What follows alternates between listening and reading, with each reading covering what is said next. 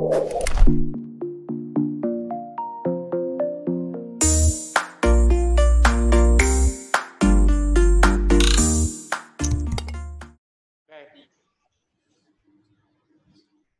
bahagia kerabat desa Indonesia. Hari ini uh, luar biasa kita minggu ini minggu ini kepoin desa mencoba mengajak atau mengundang teman-teman pergerakan undang-undang desa.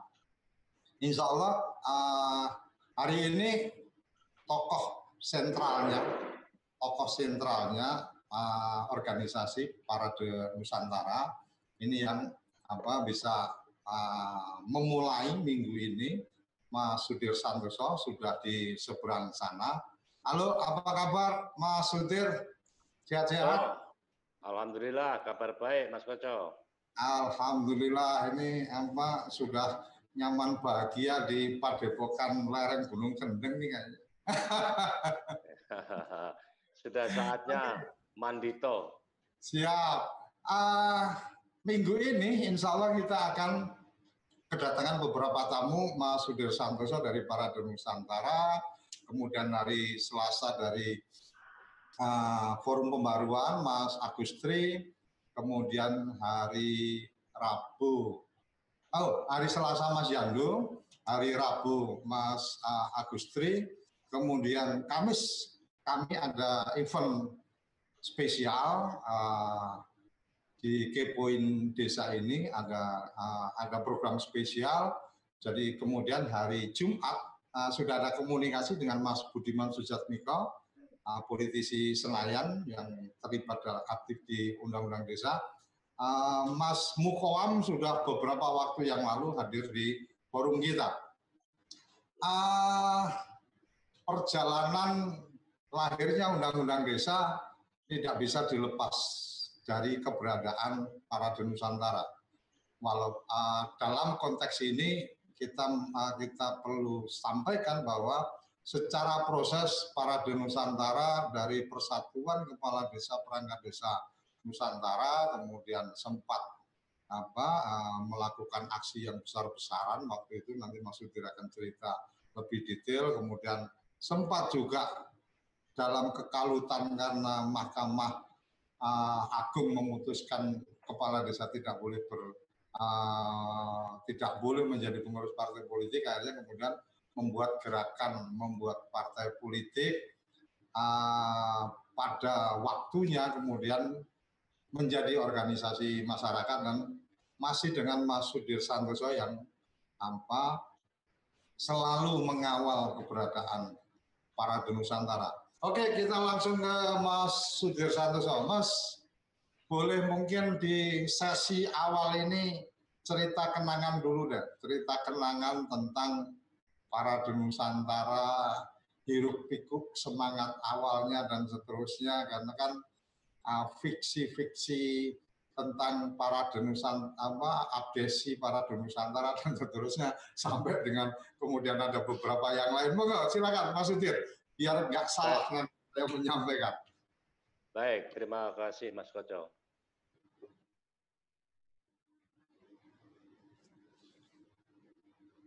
Halo. Ingin, menjelaskan dulu, kenapa sih kok terlahir gagasan kita mau ingin melahirkan undang-undang desa. Yang pertama dulu supaya karena ini dialog untuk publik kan, sehingga adik-adik okay. generasi baru aparatur pemerintah desa jadi mengerti. Kenapa saat itu terpikir uh, tergagas tentu dengan Mas Koco yang mendampingi saya sejak awal kan, kenapa kita memperjuangkan kelahiran undang-undang desa. Ya perlu diketahui Mas Koco, pada saat itu kita masih muda kan, saya menjabat sebagai kepala desa. Oh, desa itu kalau boleh saya gambarkan, seakan-akan ke atas tidak bergantung dan ke bawah tidak eksi pemerintahan itu pada saat itu tidak diakui secara undang-undang. Jadi kalau ada pemerintahan desa itu salah.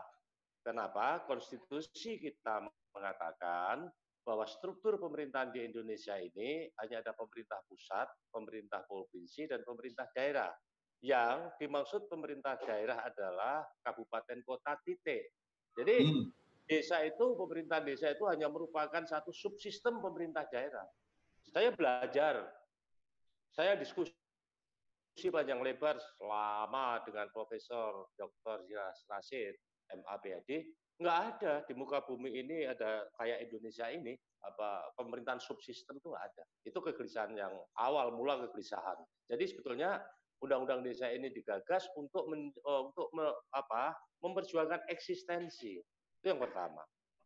Kemudian secara historis sejak Indonesia merdeka itu belum pernah ada undang-undang khusus yang mengatur tentang pemerintahan desa atau desa Contoh supaya nggak panjang lebar di era Orde Baru ada Undang-Undang 579 itu mengatur tentang pokok-pokok pemerintahan desa, bukan mengatur tentang desa secara keseluruhan, gitu ya.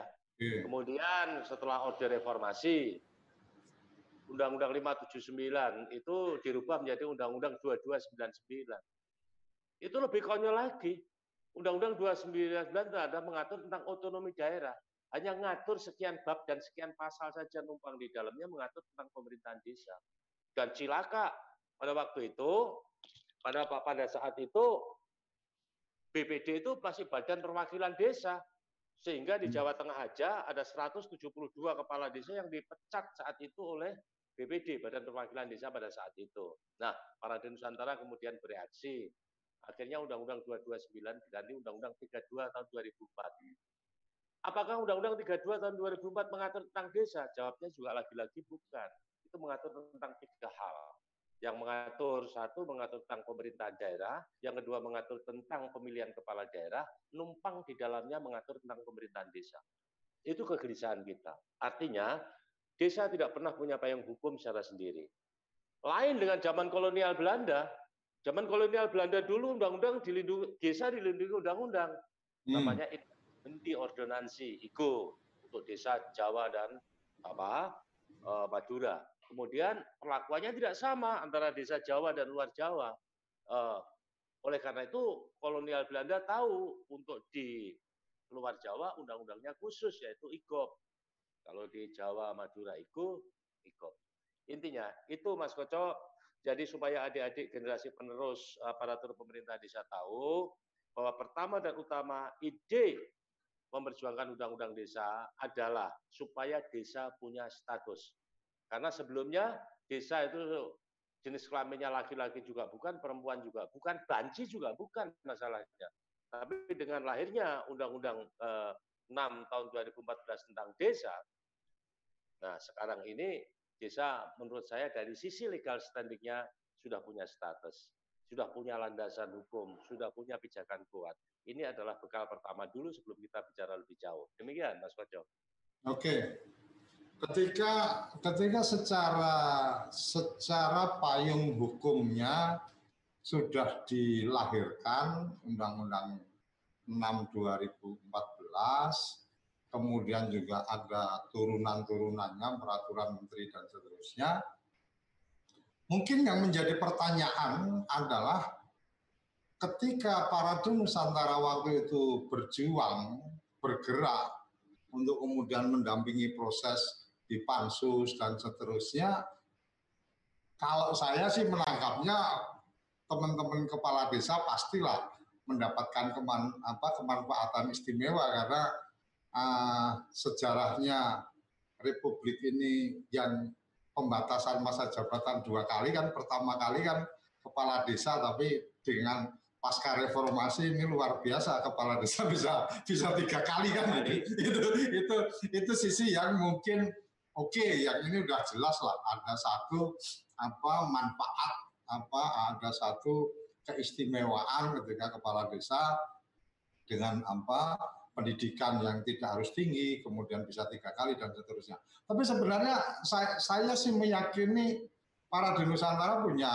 punya semangat yang lain bukan bukan kemudian hanya sekedar bicara mementing apa memberikan kemanfaatan kepada kepala desa kepala desa untuk bisa mencalonkan kembali tetapi uh, ada agenda-agenda besar yang saya yakin bicara untuk keperluan desa. Nah, apakah kemudian semua harapan-harapan itu sudah terpenuhi di undang-undang desa? Itu satu. Yang kedua, apakah yang sudah terpenuhi itu juga sudah bisa dilaksanakan? Baik. Silakan. Mas Koco.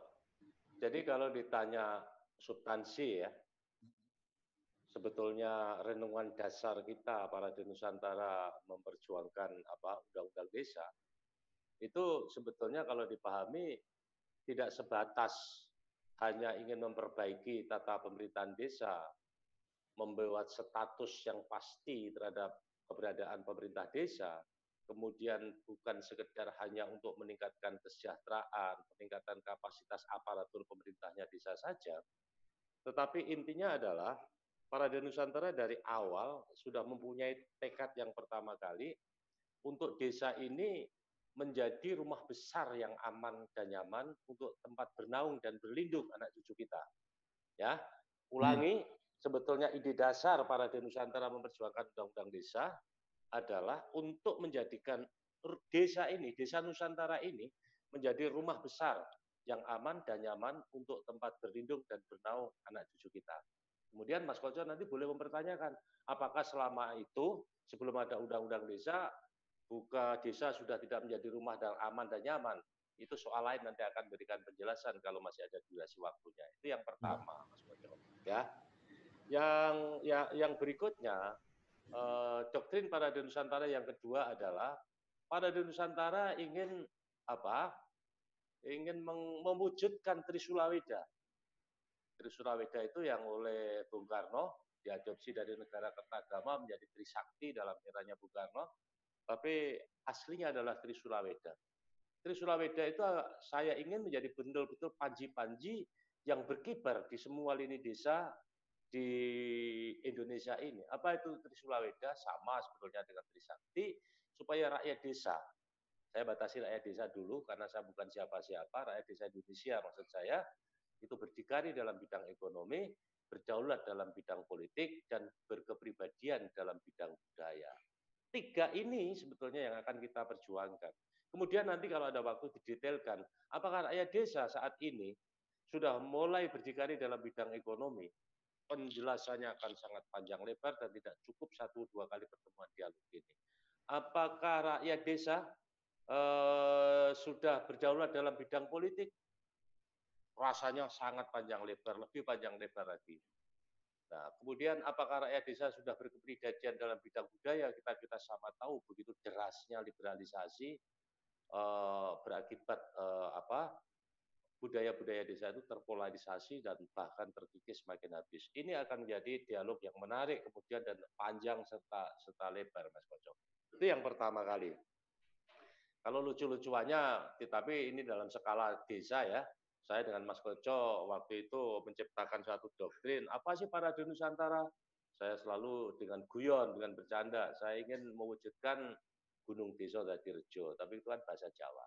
Hmm. Intinya pertama kali itu Mas Koco. Pertanyaan Mas Koco yang kedua kali adalah, setelah lahir Undang-Undang Desa, apakah e, menurut penilaian para di Nusantara, para di Nusantara sudah puas sebagai orang tua, para Nusantara menempatkan diri sebagai orang tua masih jauh panggang daripada api. Jadi undang-undang desa ini adalah trigger belaka, pintu masuk, pintu masuk, ya, pintu masuk. Kenapa? Dengan adanya undang-undang desa itu kan sebetulnya kami juga ingin me, apa, e, menghilangkan stigma buruk terhadap desa. Sebab pada zaman Orde Lama sampai Orde Baru saat itu sebelum ada lahirnya undang-undang desa, desa itu diidentikan dengan kemiskinan, kebodohan, dan keterbelakangan. Ya. Nah, kenapa desa miskin? Ya pasti saja miskin. Sebelum ada undang-undang desa, waktu saya jadi kepala desa pertama kali itu, setiap tahun anggaran kami dapat anggaran dari pemerintah namanya Bandes. Bantuan desa itu 5 juta. Untuk dana stimulan dan kesejahteraan perangkat desa coba. 5 juta. Itu pun kalau cair dipotong camat 1 juta. Setahun sekali.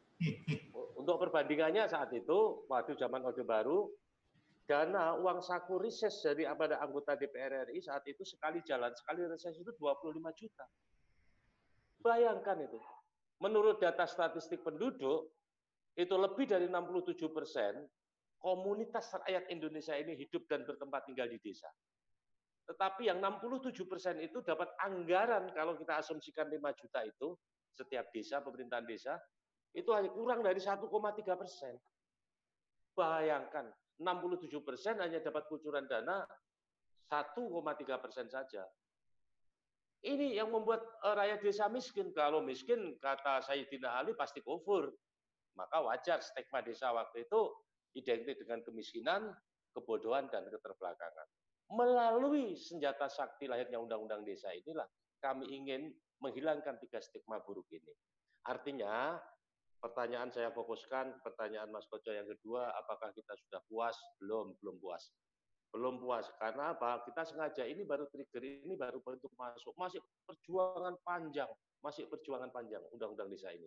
Bahkan ketika tanggal 18 Desember 2013 ketika saya dengan Mas Koco sama-sama mengawal sidang paripurna undang-undang desa di DPR RI saya mengatakan di seluruh mass media media televisi bahwa lahirnya undang-undang desa ini berkah tapi sekaligus adalah musibah bagi aparatur pemerintah desa. Ulangi, bagi aparatur pemerintah desa.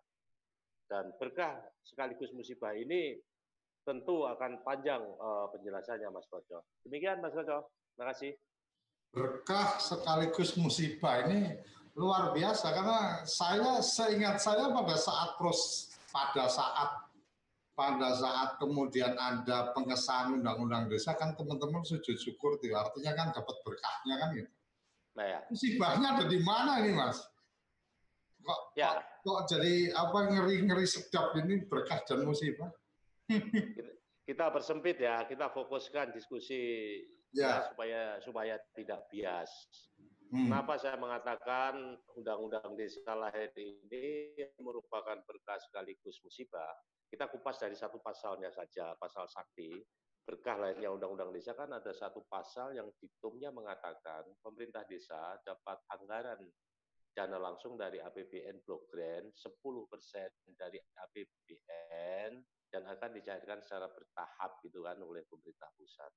Yang tadi di depan saya mengatakan dulu waktu kita jadi kepala desa satu tahun 5 juta itu pun dipotong camat satu juta ketika cair gitu kan. Hmm. Perangkat desa itu hanya mendapatkan dana dana triwulan bulanan. Itu pun tri tidak tiga, cairnya enam bulan sekali. Pada waktu itu 75 ribu tiap bulan. Perangkat desa. Coba bayangkan bagi perangkat desa yang tidak punya tanah bengkok. Ya, amanat mendapatkan waktu itu gampangnya lah, nggak usah rigid ya omongnya. Satu desa satu miliar. Bahkan sekarang kalau digabung DD dan ADD itu tahun anggaran ini di Pulau Jawa ya, ya. Uh, kita kira 1,6 miliar itulah rata-rata. Ini ya. kan berkah sehingga okay. desa punya dana stimulan, punya dana cukup untuk untuk membangun ya ya, membangun. Itu berkahnya. Tapi musibahnya sebetulnya akar dari musibah lahirnya undang-undang desa ini terletak pada rendahnya mayoritas sumber daya manusia aparatur pemerintah desa. Hmm. Aparatur pemerintah desa ini kepala desa, perangkat desa. Bahkan saya tambahin, lemahnya SDM aparatur pemerintahan desa. Kalau saya sebut pemerintahan, itu bukan hanya kepala desa dan perangkat desa, tetapi badan permusyawaratan desa. Ini masalah. Bagaimana? Nah, misalnya, hmm. ya, karena mayoritas tidak untuk menerjemahkan kisi-kisi rambu-rambu aturan yang dicanangkan dalam undang-undang desa.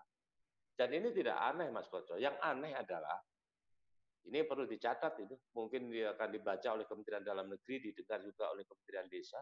Jangankan aparatur pemerintah desa, pemerintah kabupaten, pemerintah provinsi, bahkan pemerintah pusat, yang di dalam undang-undang desa ini berfungsi pada tiga hal sebagai asistensi, bimbingan, dan pengawasan, mereka gagap dan gugup untuk menerjemahkan undang-undang desa. Karena memang dari awal supra desa itu nggak siap dan tidak mengendaki lahir jabang bayi yang namanya undang-undang desa. Musibahnya berawal dari lemahnya mayoritas aparatur pemerintah desa pemahamannya terhadap undang-undang desa ini. Gitu Mas Kojo. art, art, artinya yang saya tangkap ada dua ada dua pihak. Artinya eh, sama-sama teman-teman perangkat desa belum cukup siap, kemudian teman-teman di supra desa juga tidak terlalu rela untuk kemudian desa apa uh, punya kekuatan. Uh, seperti itu kan? Yes, exactly. Oke. Okay. Ya, dan Berarti benar. ada posisi-posisi seperti itu. Tetapi yang kemudian kita kita mesti juga mengapresiasi satu proses. Uh, teman-teman perangkat desa, kepala desa juga uh, saya melihat dengan undang-undang desa ini di uh, 2014 sekarang 2020 berarti sudah hampir apa sudah jalan di tahun ke-6 uh, saya melihat ada percepatan apa uh, proses belajar teman-teman aparat desa, kepala desa untuk kemudian apa menjalankan tugas uh, tupoksirannya, tugas pokok fungsi peran dia sebagai aparatur desa dan kemudian saya juga melihat uh, di di, di pasca lima tahun berjalan undang-undang desa ini juga uh, sepertinya koordinasi antara Kementerian Desa dan Kementerian Dalam Negeri juga sudah lebih baik daripada di awal-awal. Uh, pandangan Mas Sudir seperti apa? Oke. Berbicara tentang kapasitas aparatur pemerintah desa dulu, Mas Koco. Ya. Perlu dipahami bahwa leader dari pemerintahan desa adalah kepala desa. Oke. Secara culture, secara kultural, kepala desa itu selalu patah tumbuh hilang berganti gitulah bahasanya. Karena seamanat undang-undang desa pun mengatakan setiap enam tahun periode harus diadakan pemilihan ulang. Mari hmm. kita lihat. Kita berbicara kepala desa sesuai dengan jumlah desa di Indonesia ini lebih kurang 74.622 desa. Oke. Kepala desa ini leader di desa masing-masing. Ya, yang dia setiap kebijakan dan keputusannya itu bisa mempengaruhi kinerja daripada aparaturnya. Siapa aparaturnya? Aparaturnya adalah uh, perangkat desa ya. Kemudian jajarannya adalah Badan Permusyawaratan Desa. Coba kita bayangkan. Kepala desa itu dari latar pendidikan yang sangat heterogen sekali sebelum dia menjadi kepala desa. Satu. Yang kedua kali sebelum jadi kepala desa itu mereka berprofesi dari berbagai macam profesi. Ada yang dari pegawai negeri sipil, ada yang dari TNI, ada yang dari mantan preman pasar itu, ada yang dari sopir bis malam, macam-macam. Dan ini semua. Kemudian dari macam macam pendilatar belakang pendidikan, kemudian dari berbagai macam latar profesi, kemudian dia mencalonkan diri sebagai kepala desa. Ketika dipilih menang dalam pemilihan pilkades, sejak mereka dilantik oleh bupati menjadi kepala desa, sejak hari itu mereka dituntut rakyat desanya menjadi pemimpin yang serba tahu, serba mampu, serba bisa. Serba tahu, serba mampu, serba bisa dari Hong Kong. Sementara kita dan Mas Koco sama-sama tahu, sejak zaman Orde Lama, Orde Baru sampai Orde Reformasi saat ini, di negeri kita tercinta ini belum pernah saya melihat dan mendengar ada akademi atau universitas baik negeri maupun swasta yang membuka fakultas jurusan kepala desa atau perangkat desa. Kita tahu kan, kalau kepengen jadi polisi karir misalnya, ada sekolahnya di Akpol. Ada kepengen jadi TNI yang hebat, ada sekolahnya di Akmil. Ada ingin menjadi birokrat, ada sekolahnya di IPDN. Kalau kurang pinter di IP di Jakarta gitu. Enggak ada pemikiran kepala desa. Kan, Sementara... Mas, Mas sorry aku potong ketika kepala desa terpilih itu kan ada proses untuk kemudian apa semacam pembekalan dari apa eh, Kementerian Dalam Negeri atau dari Pemda atau dari provinsi gitu apa apa itu nggak ada kalau seingat saya dulu ada kan selesai pemilihan maka kemudian dia harus ikut apa semacam diklat atau apa. Mas Lojo, saya sebagai orang tua kan tidak ingin mempermalukan anak-anak saya. Tapi saya harus mendidik anak-anak saya menjadi jujur. Ya, jujur, integritas itu. Memang Jangankan setiap AK, setiap waktu zaman saya itu kan ada suskalak ya namanya.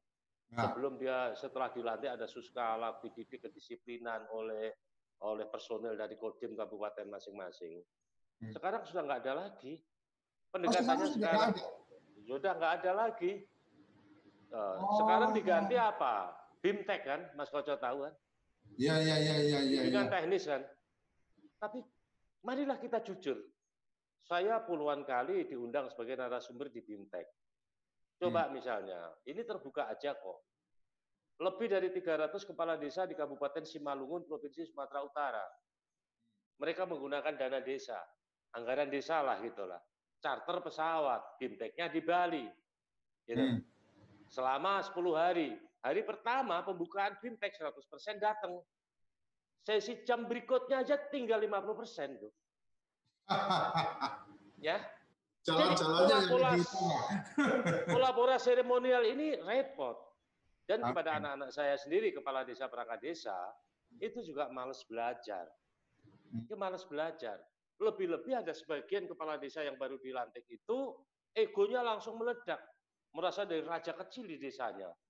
Hmm. Malu, dia bertanya, dikasih tahu dia tersinggung.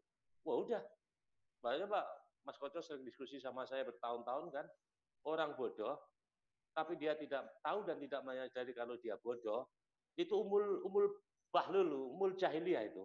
Ibadah kebodohan itu. Ya, oleh karena itu saya sangat setuju ini ada dialog-dialog semacam ini gitu ya. Ya. Saya sih sebetulnya bisa mm, sebagai inisiator motor dan pelopor undang-undang desa terjadinya carut marut seperti ini, saya bisa marah bahkan sumpah serapa. Tapi lagi-lagi saya ini orang tua. Saya harus tidak memukul tapi merangkul. Saya tidak harus mengejek tapi saya ajak itu. Tapi ujung paling akhir kalau nggak bisa dibina ya terpaksa dibinasakan kalau dia masih masih dengan cara kalau nggak bisa dirangkul ya dipukul kalau nggak bisa dibina ya binasakan. Oke, Mas Utir ini uh, teman-teman sudah mulai masuk juga. Ini ada Ruri, salam Nusantara, salam PBDI. Oke, ini perangkat desa kayaknya mari bersatu mengawal implementasi undang-undang desa menuju desa aparatur desa dan aparatur desa yang sejahtera. Ini kayaknya ada pesan dari Mas Ruri kalau aparatur desanya mungkin belum terlalu sejahtera mungkin dan butuh kebersamaan para Nusantara dan BPDI. Kemudian Mas Ismail Bade ini dari Makassar kalau nggak salah ya Sulawesi ya. Uh, Nusantara BPDI sukses oke. Okay. Mas Ruri dari Kebumen, kemudian Mas Oh Widiartono ini Ketua DPN PPDI top, nah, Kang Mas Udir, oke. Okay.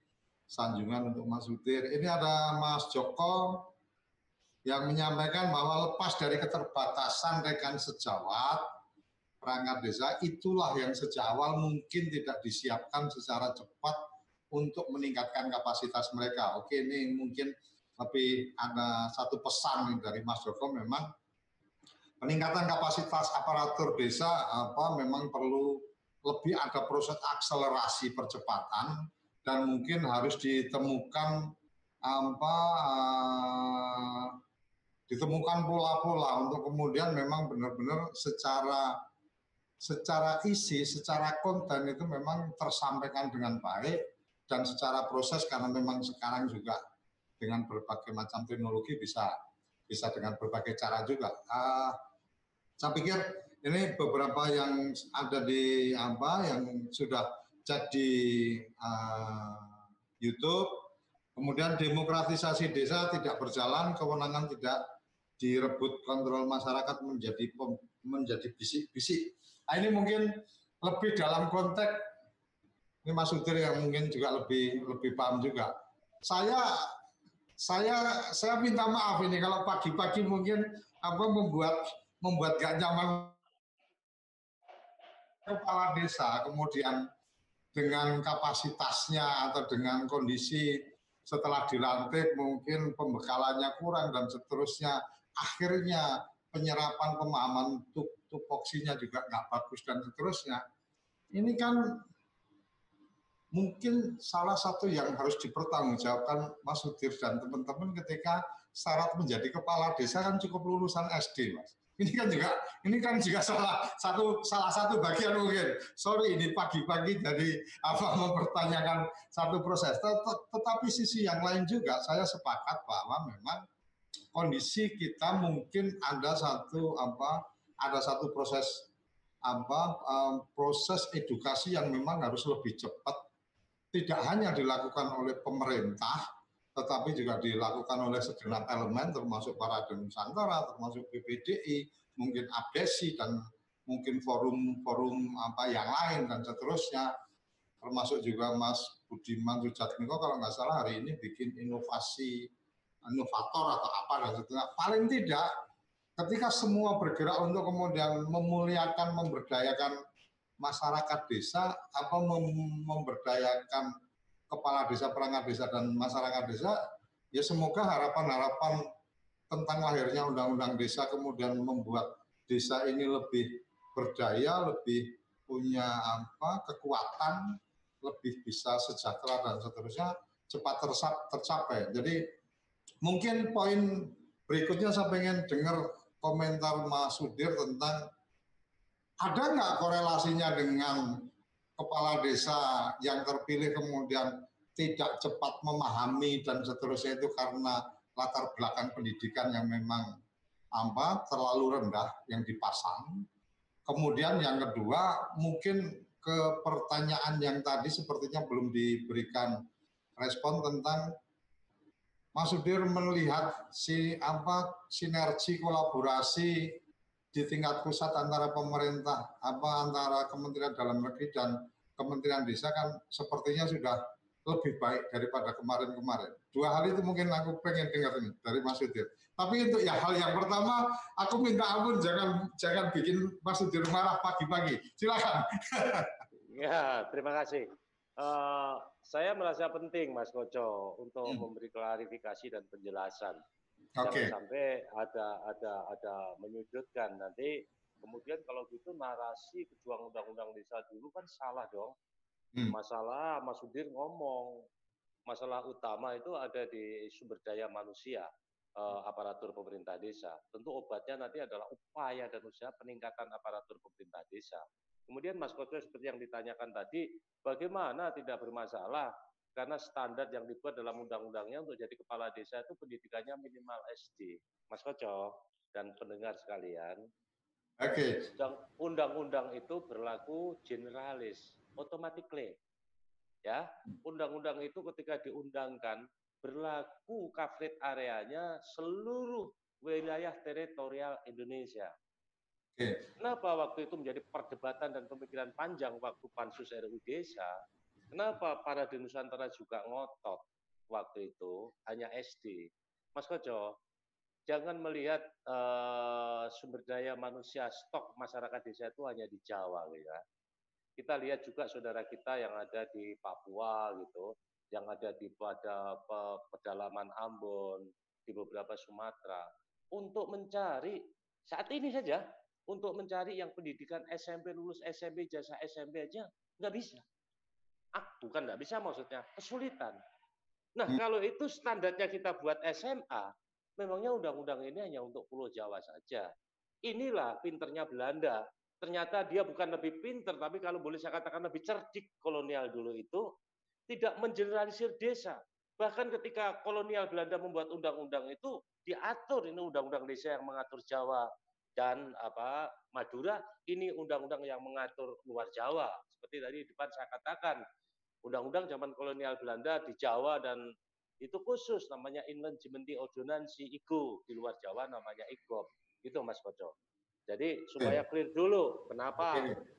Mas Sudir kan sudah membuat dalam undang-undangnya sendiri kan memang pendidikannya 6 apa SD bagaimana diharap SD bisa mumpuni jadi pemimpin yang tanggap tangguh tanggul ada kultur Mas Koco di dalam desa.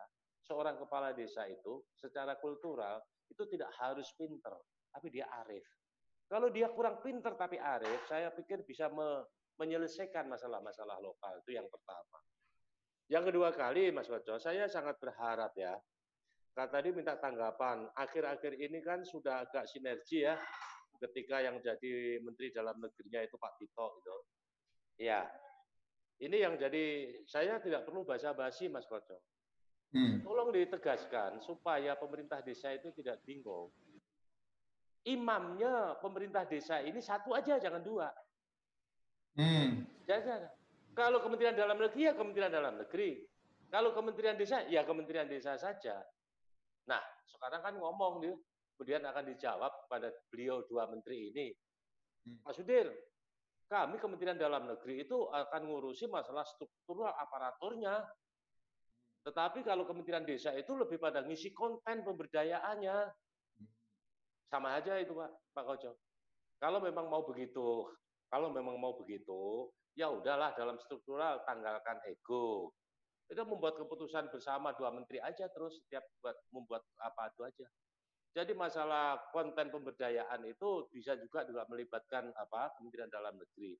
Nyatanya waktu program PNP Mandiri itu program tersukses yang saya pernah tahu di Indonesia ini, yang harusnya penggunaan dana desa, pendamping-pendamping itu mengadopsi dari PNPM Mandiri. Jangan jadi pendamping malah jadi bebannya desa kan repot itu. Seperti itu.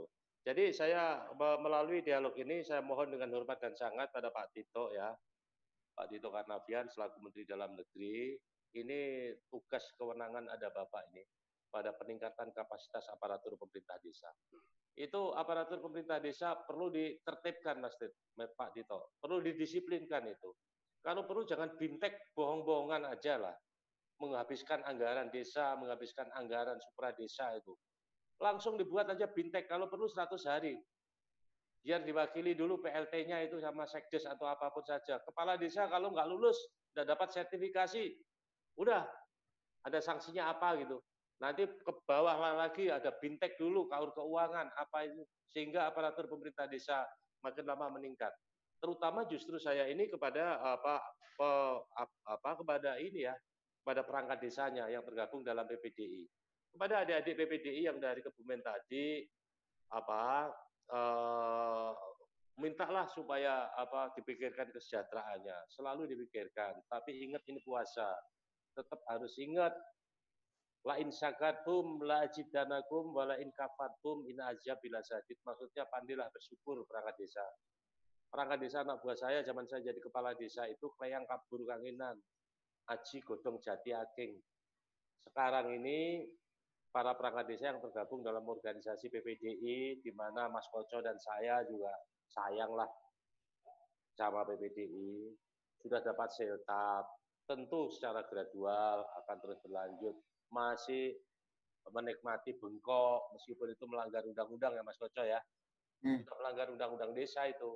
Tetapi oke okay lah, masih ada kebijakan untuk itu. Bengkok masih melekat pada jabatan kepala desa perangkat desa. Harusnya kan sudah tidak lagi itu. Nanti menjadi aset desa kemudian dilelang, kalau diberikan pun itu merupakan tunjangan lainnya. Jangan sampai double anggaran. Ini diskusinya akan panjang ini kayaknya elit-elit PPDI juga membuat kayak Mas Koco gini atau gabunglah kita dialog semacam ini. Ini akan sangat sangat efektif. Kemudian Mas Koco hambatan yang terakhir adalah saya ngomong carut marutnya aplikasi dana desa ini karena masih campur tangannya supra desa. Perlu diketahui ya bahwa dana desa itu dananya desa yang bersumber dari APBN. Ya, mau digunakan untuk apa? Itu sesuai kearifan lokal desa masing-masing. Jadi supra hmm. desa hmm. jangan sok ngatur. Di dalam undang-undang itu pun sudah diatur bahwa fungsi supra desa, yang saya maksud supra desa adalah pemerintahan di atas pemerintahan desa, pemerintahan kabupaten, provinsi pusat, itu hanya tiga hal, asistensi, bimbingan, dan pengawasan. Ya, dan pengawasan yang paling ampuh, roh daripada undang-undang desa itu bukan waskat, tapi wasmas, pengawasan masyarakat itu. Makanya terbuka itu loh pemerintahan desa. BPD-nya juga harus pinter. Jangan BPD hanya menjadi alat legitimasi kepala desa aja. Karena yang dijadikan BPD konco-konconya kepala desa. Ini kepala desa anak-anak saya jangan tersinggung. Obat, jamu memang pahit kadang-kadang, tapi itu menyehatkan. Ya, yang seperti itu. Kalau diamanatkan penggunaan dana desa APBD setahun ini, buatkan baliho, dipasang di tempat-tempat strategis, pasang aja supaya rakyat tahu gitu loh. Karena pengawasan masyarakat Basmas, saya masih punya keyakinan selaku penggagas, inisiator undang-undang desa itu lebih efektif daripada waskat pengawasan melekat. Itu Mas Kocok. Oke, menarik yang tadi disampaikan tentang posisi BPD yang kadang-kadang tidak difungsikan, kadang-kadang juga diisi orang-orangnya kepala desa mungkin. Tetapi apa secara secara proses memang saya sudah cukup lama tidak berkecimpung langsung di apa di desa dan seterusnya. Tapi uh, ada ada sesuatu yang mungkin apa mungkin tadi Mas Sudir sempat singgung tentang dana desa itu mestinya otoritas hmm. penuh dari desa atau dalam tanda petik kalau semua berjalan sesuai harapan itu kan berarti diputuskan dalam musyawarah desa melibatkan ya. semua elemen masyarakat kemudian masyarakat melakukan pengawasan dan seterusnya. Ya. Ini menarik ketika kemudian bicara COVID-19, Menteri Keuangan membuat aturan apabila tidak mengalokasikan anggaran BLT dana desa, maka kemudian uh, pencairan tahap berikutnya tidak bisa dilakukan. Artinya saya bisa membaca ini sebagai quote unquote politik anggaran, artinya mengendalikan dengan cara uh, mengendalikan dengan cara kekuatan anggaran kan gitu.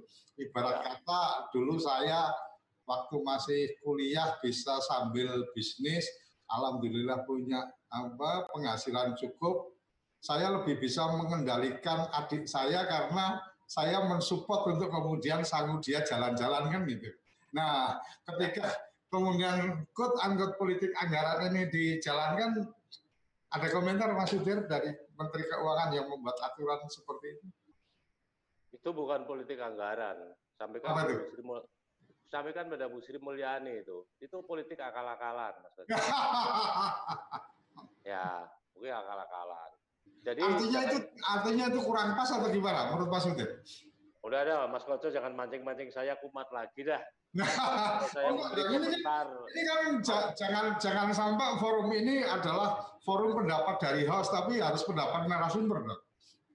Ya, saya tahu nakalnya Mas Koco lah. Jadi saya kumat lagi itu ada pro Jokowi kontra Jokowi.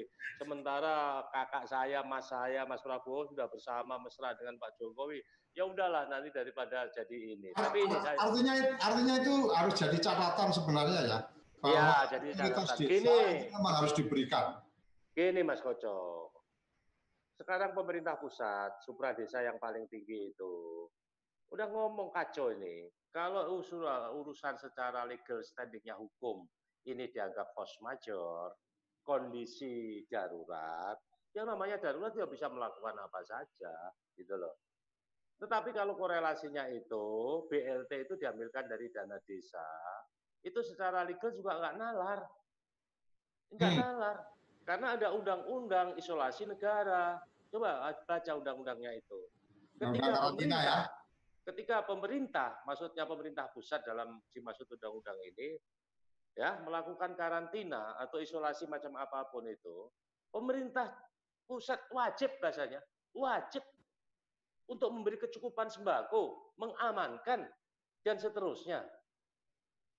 Terus kehadiran pemerintah pusat di mana?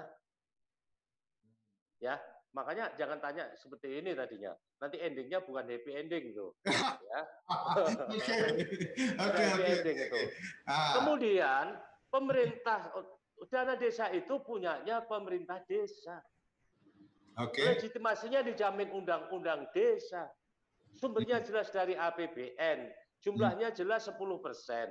Tapi hmm. lagi-lagi akal-akalan karena di waktu itu bukan dalam keputusan terakhir akan dicairkan secara bertahap.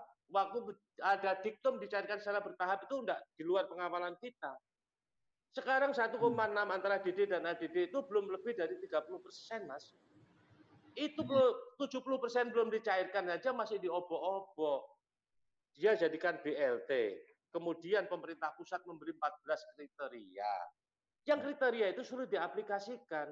Lagi-lagi pemerintah pusat melemparkan bola panas terhadap anak-anak saya kepala desa dan perangkat desa, sehingga terjadi gesekan dan gosokan di semua lini desa.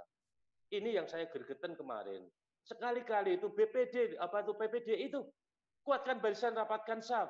Para Nusantara, karena para Nusantara sudah terbuka sekarang ini, bukan hanya kepala desa, perangkat desa aktif. Ayo kumpul, ayo ketemu. Udah pada kurang ajar tuh pemerintah pusat. Kalau ya. memang saya harus turun gunung untuk menghadapi dalam rangka meluruskan ini, saya akan turun gunung. Demikian Mas Koco.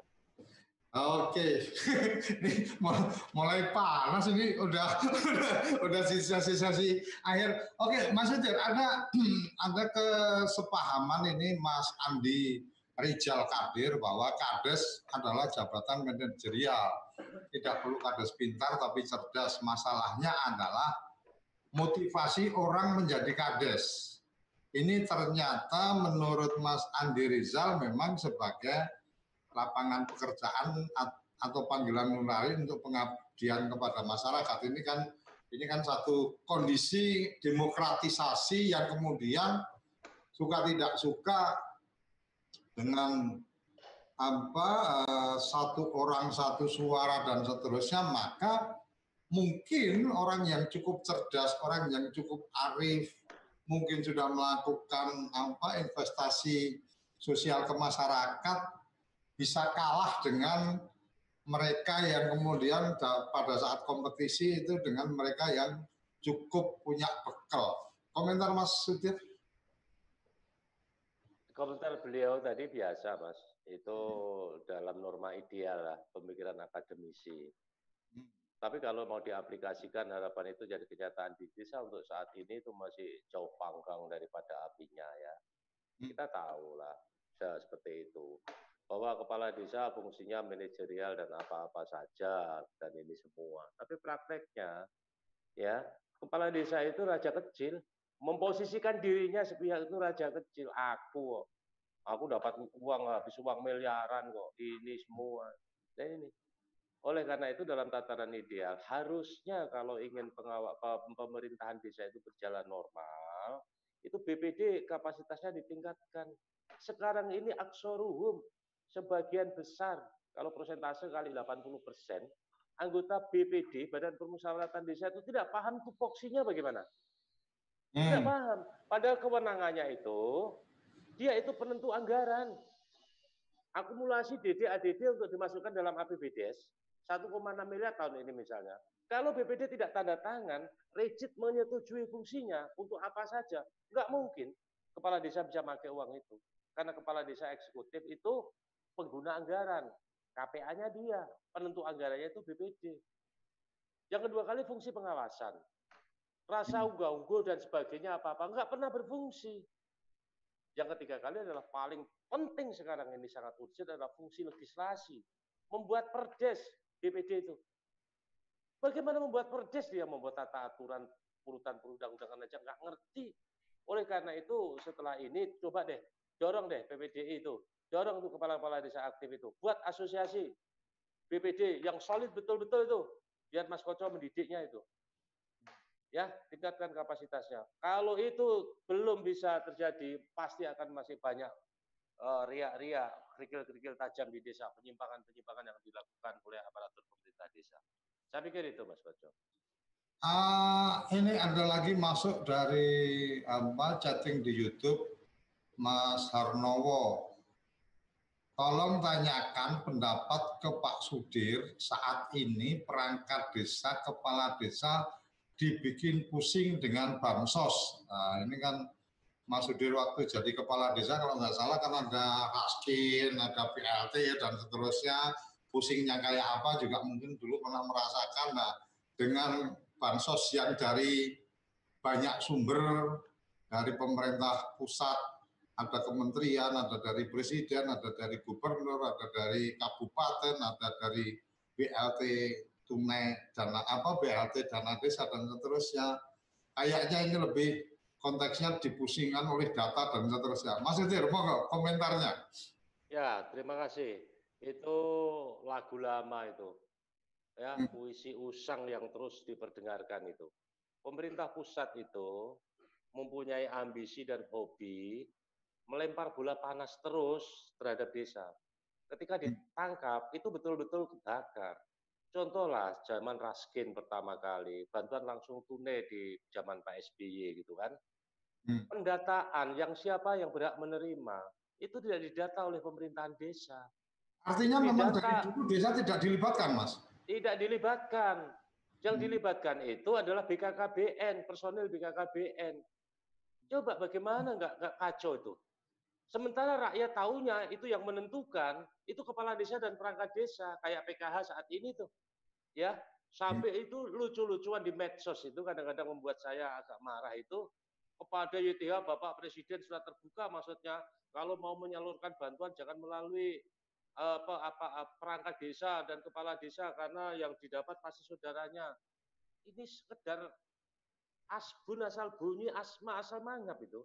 Mereka tidak tahu bahwa anak-anak saya itu para kepala desa, perangkat desa tidak optimal di dianukan. Tapi lagi-lagi anak saya juga bodoh gitu loh. Mestinya dia paham hukum. Ada tugas pokok dan tugas perbantuan. Gitu. Tugas pokok itu yang harus dilakukan sesuai aturan perundangan tupoksi, mau nggak mau dilakukan kepala desa dan perangkat desa. Itu ada aturannya, ini, ini, ini, jenisnya. Kemudian ada tugas perbantuan. Tugas perbantuan itu dilakukan boleh mereka dapat dapat upah tidak dilakukan, enggak ada pidananya, enggak ada sanksi hukumnya. Contoh kayak kepala desa, perangkat desa suruh naik narik pajak. Ya. Hmm. Itu tugas perbantuan, itu tugasnya dispenda. Sekarang dalam bidang politik, kepala desa, perangkat desa disuruh mengantarkan surat undangan nyoblos, kemudian disuruh membuat TP, TPS dan seterusnya. Itu tugas perbantuan, nak. bukan tugas pokok. Kalau dalam KPU harusnya ya. Itu tugas KPUD. Hmm. Ya, itu kalau dilakukan dapat dapat dapat upah itu sunnah. Lakukan dapat pahala, tidak dilakukan nggak dosa. Demikian juga ketika program pemerintah pusat itu, ketika itu berisiko dilakukan, jangan dilakukan. Hmm. Kalau ngancam itu, kayak pemerintah pusat ngancam, siapa yang BLT 30 sampai 35 persen BLT dalam rangka COVID ini, kalau tidak dibagikan akan dikasih sanksi. Dana desa tidak akan dicairkan. Eh, kamu diam nak. Tim advokat para Nusantara akan siap menghadapi para menteri-menteri itu. Oke. Okay. begitu. Artinya, artinya ini memang ada bagian di mana penguatan aparatur desa, kepala desa, perangkat desa harus dilakukan, penguatan kapasitas BPD juga harus dilakukan dan yang yang lebih utama lagi mungkin lebih pada selain penguatan pemahaman itu juga perlu penguatan nyali juga untuk melakukan apa uh, komplain atau melakukan perlawanan atau melakukan penolakan atas apa tugas-tugas atau atau gimana? Ini Mas Woco, kalau sepenggal saja orang mendengarkan omongan saya, mm-hmm. itu kan seakan-akan kami berdua ini dari dulu lah sudah dianggap provokator kan. tapi, sesungguhnya enggak. Aparatur pemerintah desa itu idealnya ke atas dia bergantung, ke bawah mengakar, gitu ya. Yeah. Ke atas bergantung itu ya bergantung pada pejabat supra desa lah dalam kondisi koordinatif gitu loh sifatnya ke bawah mengakar kepada rakyat harus dijaga soliditas kerukunannya itu kedamaiannya kan gitu. Tetapi itu kondisi normal harapan ideal. Kalau terjadi Halo.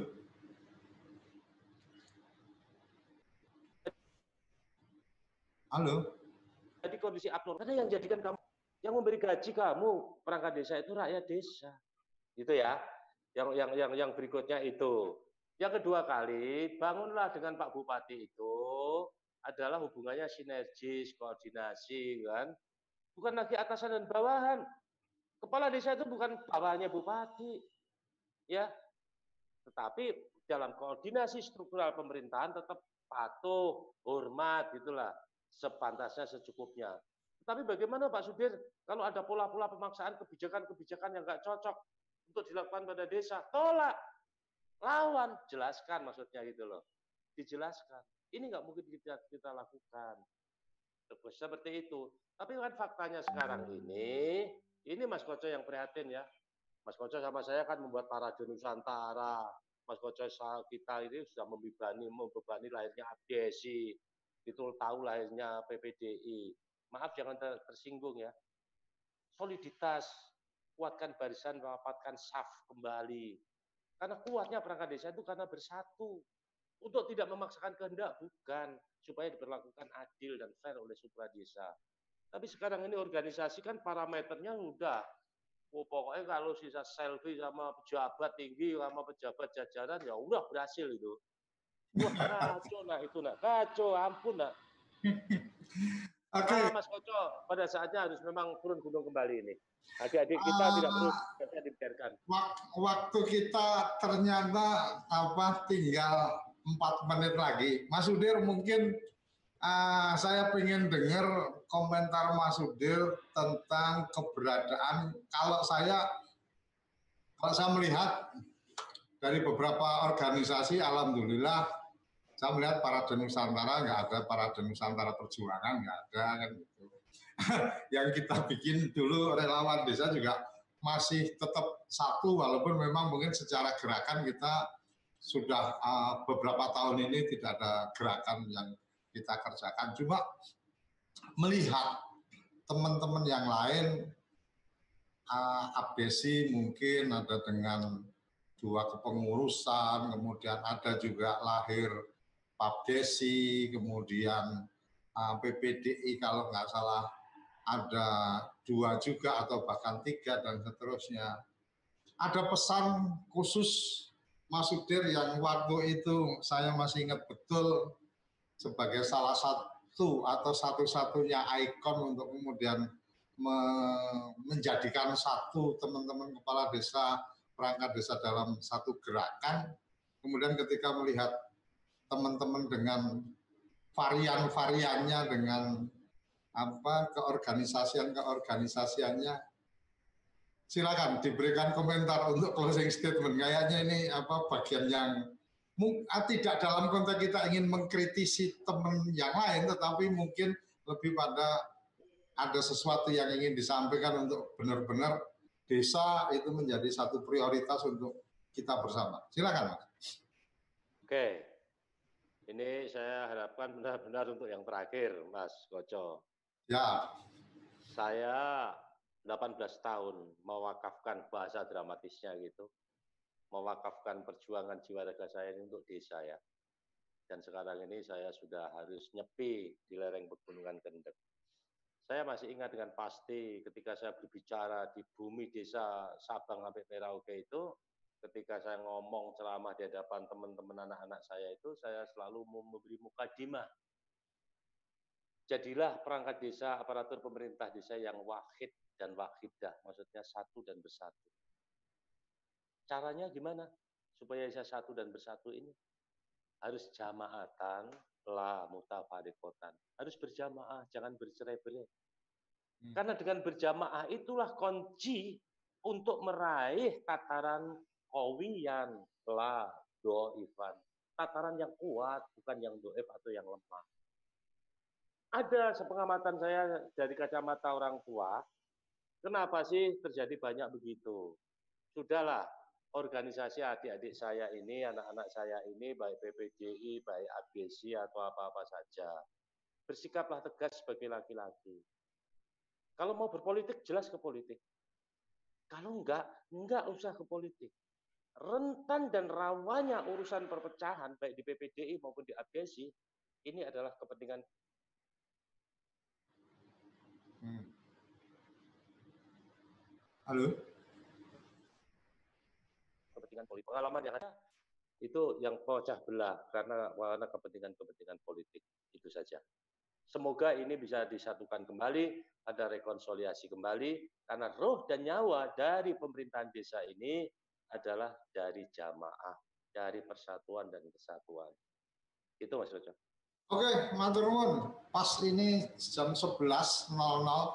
Maturun sekali, terima kasih sekali Mas Sudir Santoso sudah membuka minggu ini mendiskusikan apa pergerakan-pergerakan. Semoga di ming, apa eh, hari-hari berikutnya kita bisa mengundang kawan teman-teman pergerakan yang lain juga bisa memberikan pandangan-pandangannya dan memang semangat kepoin desa, semangat apa uh, pengen tahu tentang desa. Jadi kepo itu bahasa anak muda tentang pengen detail gitu kan, pengen tahu apa kepoin desa ini ah, semangat yang ingin kita bawa adalah semangat ingin memuliakan desa, ingin mengarustamakan desa, ingin mengutamakan uh, menjadikan desa sebagai sesuatu isu yang utama yang harus uh, menjadi perhatian kita bersama. Okay. Uh, tanpa terasa sudah sampai di penghujung acara.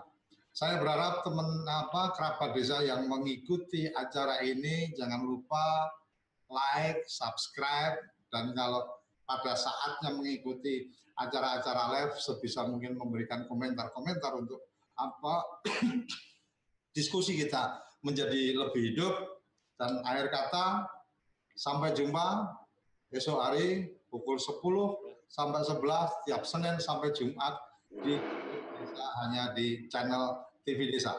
Salam bahagia kerabat desa seluruh Indonesia.